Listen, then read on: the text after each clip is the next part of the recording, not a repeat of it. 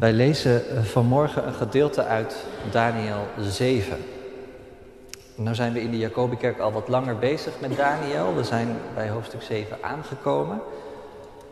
Maar dat is wel een moment dat even een iets langere inleiding op de lezing verdient dan gebruikelijk. Dus ik wilde even drie opmerkingen maken, jullie meegeven voordat we het stuk gaan lezen zometeen.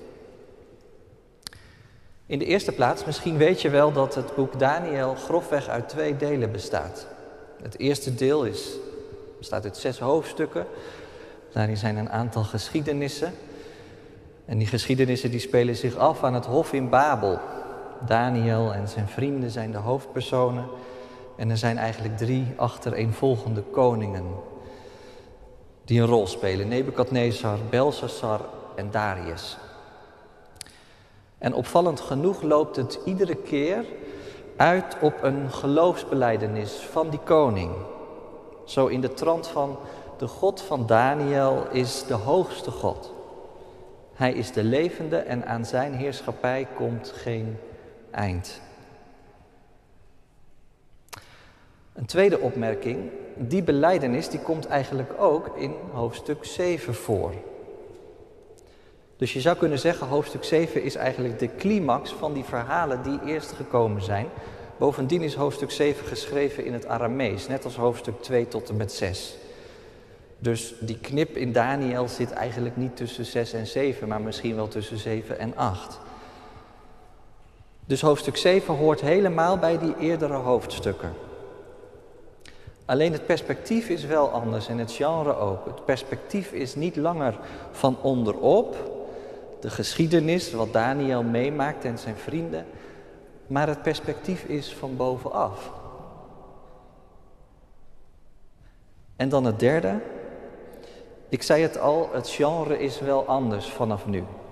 Vanaf hoofdstuk 7 lezen we eigenlijk wat je dan noemt apocalyptische literatuur. Dat is hetzelfde genre als het, hoofd, als het boek Openbaring bijvoorbeeld in het Nieuwe Testament. En het woord apocalyps, dat betekent zoiets als onthulling. Er wordt iets blootgelegd. Als het ware wordt er even een gordijn weggetrokken en, en zie je de dingen achter de dingen. Wat zich afspeelt op het boventoneel van de wereldgeschiedenis. En zo krijgt Daniel dus inzicht in de geschiedenis en uitzicht op de toekomst. En dat krijgen wij als late lezers van het hoofdstuk ook. Inzicht in de geschiedenis en uitzicht op de toekomst. Nou, dat even ter inleiding. We luisteren met elkaar nu naar Daniel 7, vanaf vers 1 tot en met 18. En Joost zal dat met ons lezen. In het eerste jaar van koning Belshazzar van Babylonië had Daniel een droom. Beelden kwamen in hem op tijdens zijn slaap. Hij schreef die droom op en zijn verslag begon al dus. Ik had een nachtelijk visioen waarin ik zag hoe de vier winden van de hemel de grote zee in beroering brachten. Vier grote dieren rezen op uit de zee, elk met een andere gestalte.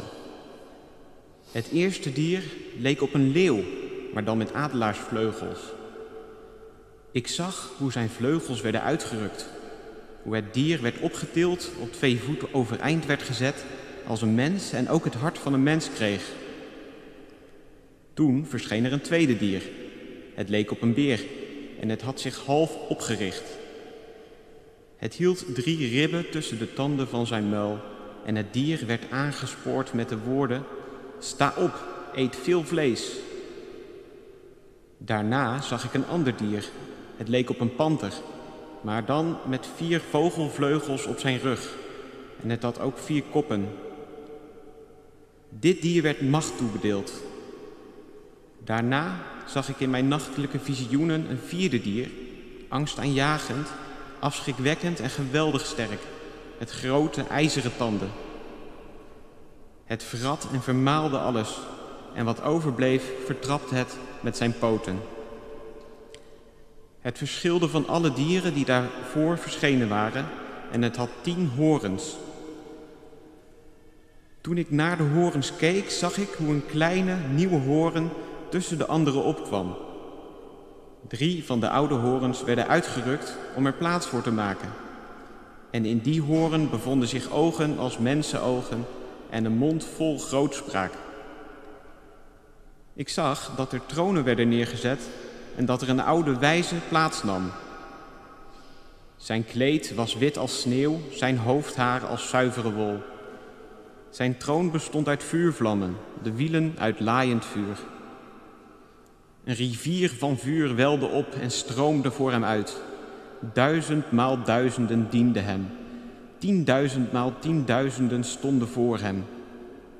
Het hof nam plaats en de boeken werden geopend. Ik zag hoe het dier werd gedood vanwege de grootspraak van de horen. Ik zag hoe zijn lichaam werd vernietigd en aan de vlammen werd prijsgegeven. De andere dieren werd wel hun macht ontnomen, maar hun werd nog enige tijd van leven gegund. In mijn nachtelijke visioenen zag ik dat er met de wolken van de hemel iemand kwam die eruit zag als een mens. Hij naderde de oude wijze en werd voor hem geleid. Hem werden macht, eer en het koningschap verleend.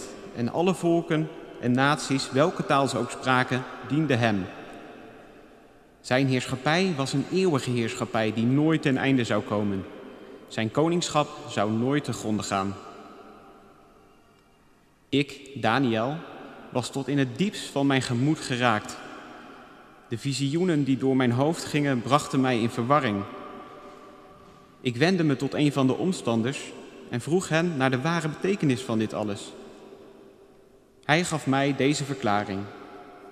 Die grote dieren, vier in getal, duiden op vier koningen die uit de aarde zullen opkomen. Daarna zullen de heiligen van de hoogste God het koningschap ontvangen en zij zullen het koningschap altijd behouden, voor eeuwig en altijd.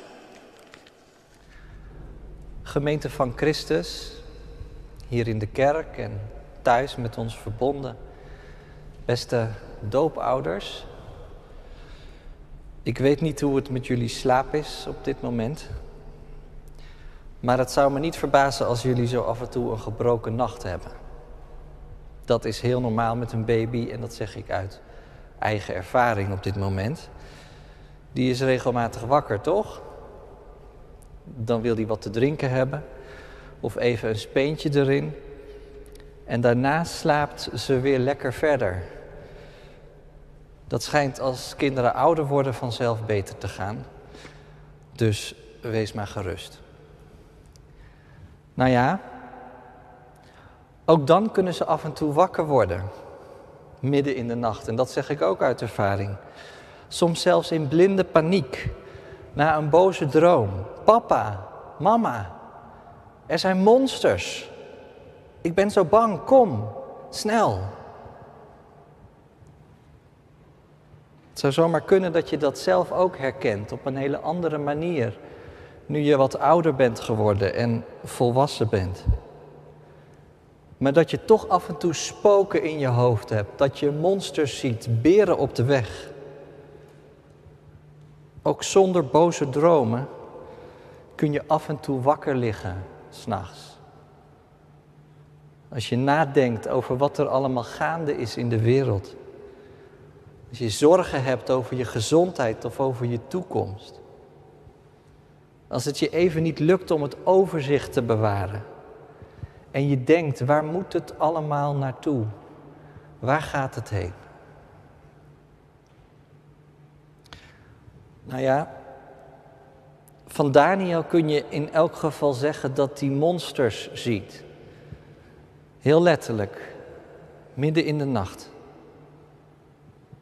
In hoofdstuk 6 zagen we hem nog bidden, drie keer per dag op dat knielbankje, in een bovenkamer op het dak. Dat was ten tijde van koning Darius. Maar nu gaan we weer een stukje terug in de tijd, naar het eerste jaar van koning Belshazzar even in je achterhoofd houden. Wat er gebeurt met die leeuwenkuil en zo, gebeurt nadat Daniel dit heeft gezien. en de boodschap van dit visioen goed heeft overdacht. Nou ja, wat in elk geval duidelijk wordt uit de tekst, is dat Daniel op dat moment nog goed in verwarring wordt gebracht door wat hij ziet. Hij is tot in het diepst van zijn gemoed geraakt, staat er in vers 2. Hij weet niet waar hij het zoeken moet en ik snap dat wel als je leest wat hij allemaal heeft gezien. In de eerste plaats is dat het beeld van een grote zee. Niet een rustige, vlakke, azuurblauwe baai met een wit zandstrand en een paar palmbomen ernaast. Nee, hij ziet een grote zee met donker en kolkend water. En die zee die wordt vanuit vier kanten, uit de vier windstreken, opgejaagd en in beweging gezet door een sterke storm. Misschien weet je het wel, maar de grote zee is in de Bijbel vaak een aanduiding van de chaos. En in apocalyptische literatuur ook vaak een aanduiding voor de volkerenwereld. Van het wereldgebeuren op mondiale schaal. Daniel ziet de zee, de grote zee. De winden vallen erop en golf na golf breekt stuk. De wereld is in rep en roer. Nou ja, dat is natuurlijk een beeld dat ons meteen aanspreekt, of niet? Hoogst actueel, toch? Als je terugkijkt in de geschiedenis, dan lijkt het alsof het nooit echt rustig is geweest. Dat er altijd wel krachten waren die linksom of rechtsom probeerden om de wereld in haar macht te krijgen. En als je kijkt naar de wereld vandaag, dan kun je met dit beeld in het hoofd natuurlijk niet om de hele coronacrisis heen. Dat beeld van die golven, die zo'n beetje elke plek op aarde overspoelen, golf na golf. Ik weet niet hoe het jou vergaat, maar alleen dat ritme al kan je ongelooflijk vermoeien. Houdt het dan nooit op? Niet alleen in die crisis, maar ook al die andere golven.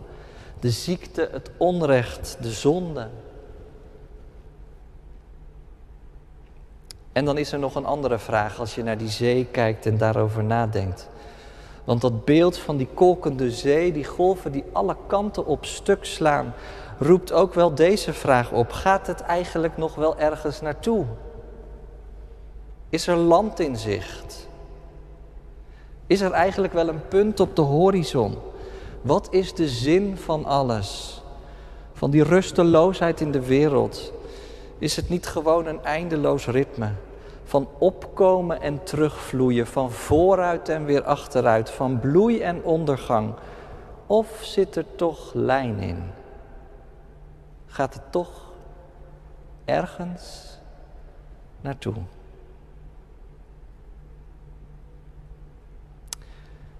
Daniel ziet in ieder geval het een en ander gebeuren.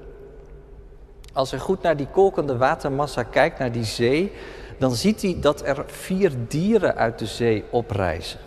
Nou ja, dieren, het zijn levende wezens. Ze lijken op een leeuw en op een panter en op een beer. En dan is er nog een vierde wezen, dat kan die eigenlijk niet echt thuis brengen. Je kunt het het beste een monster noemen. Zo monsterlijk ziet het eruit. Het heeft grote ijzeren tanden en poten die alles vertrappen wat er tegenkomt. Ik las ergens de opmerking dat deze levende wezens bij uitstek onreine wezens zijn.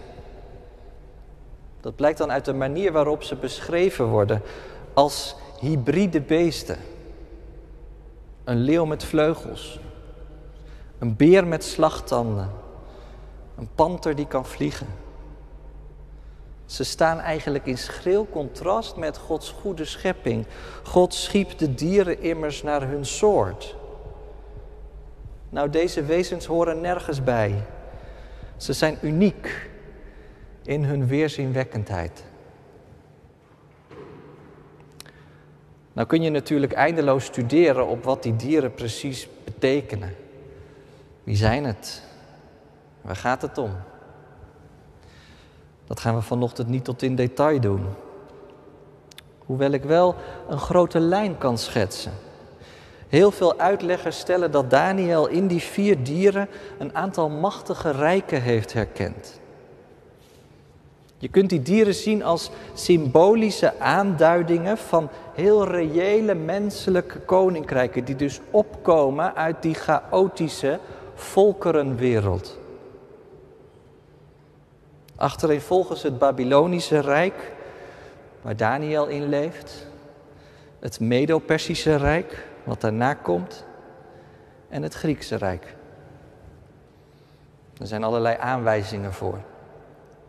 Bijvoorbeeld dat dat derde dier vier koppen heeft. En we weten dat het Griekse Rijk op een gegeven moment in vier delen is gesplitst. En dat laatste monster, dat is dan het Romeinse Rijk, wat na de Grieken komt. Dat heeft maar liefst tien horens op zijn kop. Het is groter en machtiger en mondialer dan elk wezen ervoor. Tussen twee haakjes, als je goed leest, zie je dat er ook nog een elfde hoorn opkomt. Veel kleiner dan die andere, maar met een ongelooflijk grote mond. Ik laat dat nu even rusten. Volgende week, zondagmiddag, hoop ik er in een leerdienst wat uitgebreider op terug te komen. Wat ik voor nu zou willen zeggen is dat je dat getal 10 misschien ook wel symbolisch kunt lezen. In de Bijbel staat 10 vaak voor veelheid en voor compleetheid en voor perfectie. Met andere woorden, dat laatste koninkrijk dat blijft bestaan. Ook na de glorietijd. Zelfs als het uiteengevallen is in een aantal kleinere rijkjes. Nou zeg je misschien, ik vind het wel interessant. Zeker. Maar kunnen we hier nou 2000 jaar later ook nog iets mee? En dat is een heel terechte vraag. Maar dan zou ik je even mee willen nemen naar het laatste boek van de Bijbel, heel kort. Dat is het boek Openbaring en dat lijkt op Daniel 7. Op allerlei plekken liggen er relaties tussen die twee boeken. En één zo'n verband vind je in Openbaring 13, waar je ook de zee ziet en er één dier uit opkomt. Geen vier, maar één. En eigenlijk draagt dat ene dier allerlei kenmerken die je in deze dieren hier al terugziet. Het heeft vier horens en zeven koppen. Het lijkt op een panter. Zijn poten zijn als een beer en zijn muil is als van een leeuw. Weet je wat dat visioen in openbaring eigenlijk wil zeggen? Nou, dit, dat die rijken uit de geschiedenis, dat Babylonische en dat Medo-Persische en dat Griekse rijk, misschien wel verloren zijn gegaan, maar dat het onderliggende mechanisme dat die rijken zo weerzinwekkend maakte, nog steeds actief is. Als het ware komen er nog steeds dieren op uit de zee, ook vandaag. En daarom is het meer dan geschiedenis wat we hier lezen. Het zegt iets over ons en over onze wereld. Want zeg nou zelf, die dieren zijn weerzinwekkend. Waarom? Omdat die rijken weerzinwekkend waren. En is dat ook vandaag niet aan de orde van de dag? Corruptie en geweld. Kun je niet zeggen dat overal waar dit soort reizen oprij, rijken opreizen uit de wereld, ze beestachtige trekken vertonen? En is dat niet een kant van de mens die hem zo ver bij de goede schepping vandaan drijft? Dat macht corrompeert. Mensen als God willen zijn. En dat mensen dan zomaar monsters kunnen worden. Wegzinken tot beneden het pijl van de menselijkheid. We hebben vanochtend een doopdienst. Om één voorbeeld te geven, kijk hoe er met kinderen wordt omgegaan op sommige plekken in de wereld. Ingezet als kindsoldaat in Oeganda, als slaaf in de textielfabrieken van Bangladesh, of gewoonweg afgedankt en weggestopt als volstrekt onbruikbaar op Lesbos? Nou ja, als dat het gevaar is, wat elk menselijk rijk loopt, namelijk dat het gewoon niet om kan gaan met de macht, dan zijn we echt toe aan dat andere wat Daniel ziet. Want zijn visioen is bepaald niet zonder hoop. Het blijft in dit nachtgezicht niet bij de zee, nee, op een gegeven moment als de nood misschien wel het hoogste is, gaat de hemel open en gebeurt er iets bijzonders. Gebeuren er twee cruciale dingen. In de eerste plaats verschijnt er een oude wijze op het toneel. Letterlijk staat er iemand die oud is vandaag. Dat is een koninklijke titel die zoiets betekent als hij die de eeuwen omspant. Degene die er altijd al was. Eeuwen en eeuwen voordat wij er waren en die er altijd zal zijn, tot in de eeuwen der eeuwen. Dat is degene die troont boven de geschiedenis. En dat is dan meteen het eerste grote houvast wat Daniel krijgt in dit visioen. Weet één ding, boven al dat woelen staat onbewegelijk de troon van God. En wat is dat dan voor God? Nou, dat maakt het visioen ook duidelijk. Dat is een God die recht spreekt. Deze oude wijze gaat de dingen rechtzetten. Alles wat scheef is, komt hier openbaar. Het kwaad wordt definitief uitgebannen en gestraft. Maar ook wie neergebukt ligt, wordt definitief op de benen gezet. Laat dat eens op je inwerken. Dat kan nou echt een ongelofelijke troost zijn. Als je te maken hebt met spoken in je hoofd. Om wat er ooit is gebeurd. En wat niemand weet. Of om een situatie die je gezien hebt van dichtbij of ver weg. Waarbij je niets anders meer bidden kon dan dit. Heer, ontferm u. Nou, dat is het eerste. Daniel ziet hoe er recht wordt gesproken, maar hij ziet ook nog iets anders. Want als hij nog even wat langer blijft toekijken, dan ziet hij nog een beweging van boven naar beneden. Met de wolken van de hemel komt er iemand naar de aarde die eruit ziet als een mens. En uitgerekend aan deze mensenzoon geeft die oude wijze koninklijke heerschappij. Je snapt wel, dat is echt een omslagpunt en er zit ook een zekere ironie in. Want die menselijke koninkrijken zijn verworden tot beestachtige monsters. Maar nu wordt de macht op aarde overgenomen door iemand uit de hemel die eruit ziet als een mens. Gods heerschappij brengt werkelijke menselijkheid en humaniteit. En zo zijn we eigenlijk op dit punt in het Oude Testament heel dicht bij het evangelie gekomen. Dat voel je wel aan. Dit hoofdstuk is echt uniek in zijn soort. Want in het licht van het evangelie is het natuurlijk niet moeilijk om die mensenzoon te identificeren. En dat niet in de minste plaats omdat het Jezus is die zichzelf met deze mensenzoon identificeert. Het Nieuwe Testament en de kerk kent heel veel titels voor Jezus. Hij is Heer en hij is Christus en hij is Messias. Maar eigenlijk zijn het altijd titels die anderen aan hem geven. Maar hier niet. Deze titel gebruikt Jezus voor zichzelf. Het woord mensenzoon komt meer dan honderd keer voor in het Nieuwe Testament.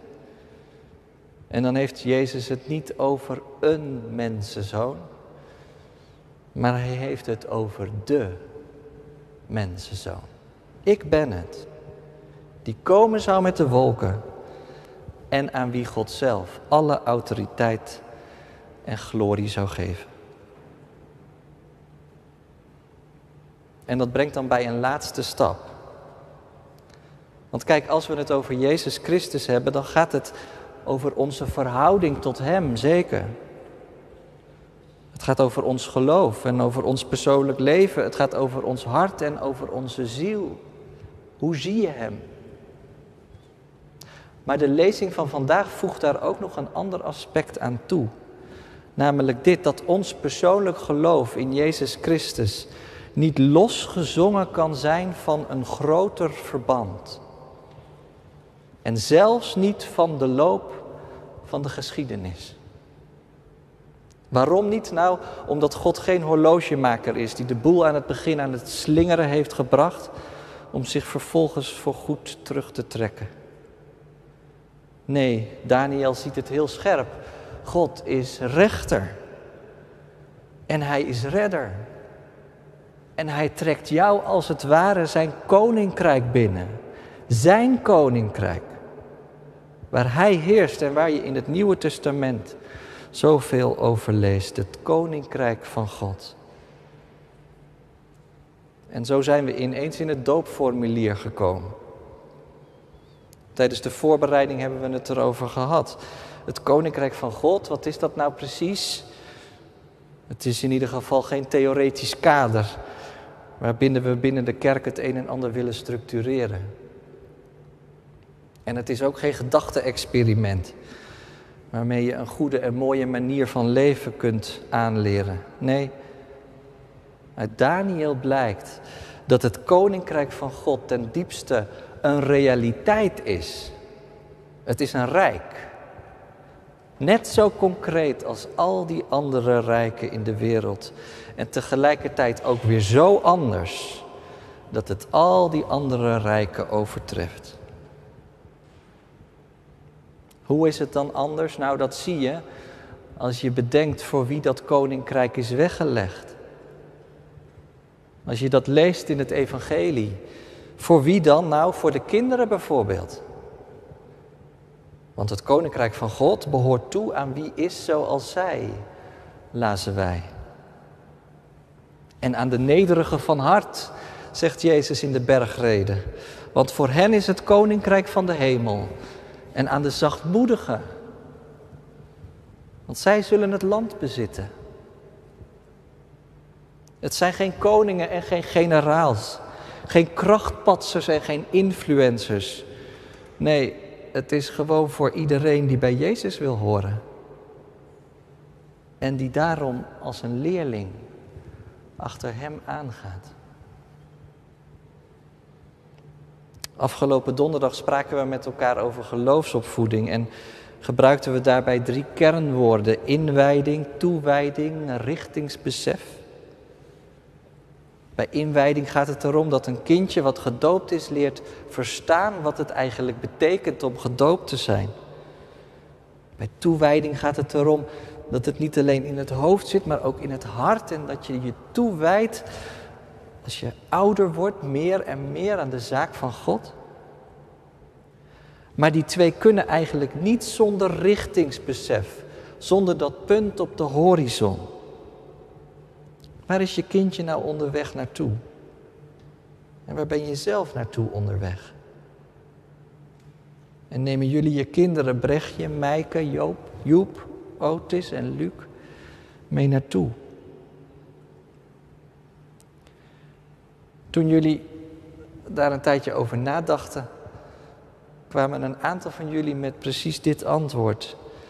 Volgens mij is het het koninkrijk van God waar we naartoe onderweg zijn. En dat is niet alleen maar toekomstmuziek. Nee, dat koninkrijk, dat wil ons leven nu al kleur geven. Die manier van leven, daar verlangen we naar. We willen ervoor zorgen dat we het leven beter achterlaten dan we het aantroffen. Nou, ik zei het aan het begin al. Als jullie kinderen wat ouder zijn, dan kan het zomaar gebeuren dat ze midden in de nacht wakker worden. En dat ze tranen met tuiten halen, huilen. Papa, mama, ik zie spoken. En wat doe je dan? Misschien ga je wel naar ze toe. Trek je ze even bij je, geef je ze een knuffel. En zing je een liedje van vertrouwen en hoop. Stil maar, wacht maar. Alles wordt nieuw. De hemel en de aarde. Want kijk, dat is waar we op hopen. Op een vernieuwde aarde. Waar gerechtigheid woont omdat Gods oordeel rechtvaardig is. En waarvan Jezaja zegt dat de wolf er samenleeft met het lam. En het kind er speelt met de slang. In die hoop gaan we zo meteen dopen. Hier in de Jacobikerk, in dat doopvond wat al helemaal tot de rand gevuld is met water. Valt me wel op als ik mensen hier tegenkom en de kerk laat zien, dat ze altijd een beetje onder de indruk zijn van dit doopvond. Het is zo groot en zo robuust. Mooi eigenlijk. En dat denk ik ook. Mooi, zo'n groot doopvond. Maar ook wel een beetje spannend. Het is zo diep dat een baby er zomaar in zou kunnen verdrinken. Het lijkt wel die zee uit het begin. Maar weet je, het is precies die zee waarnaar de mensenzoon is afgedaald. Om de schuld weg te dragen, de chaos te niet te doen en de dood te overwinnen.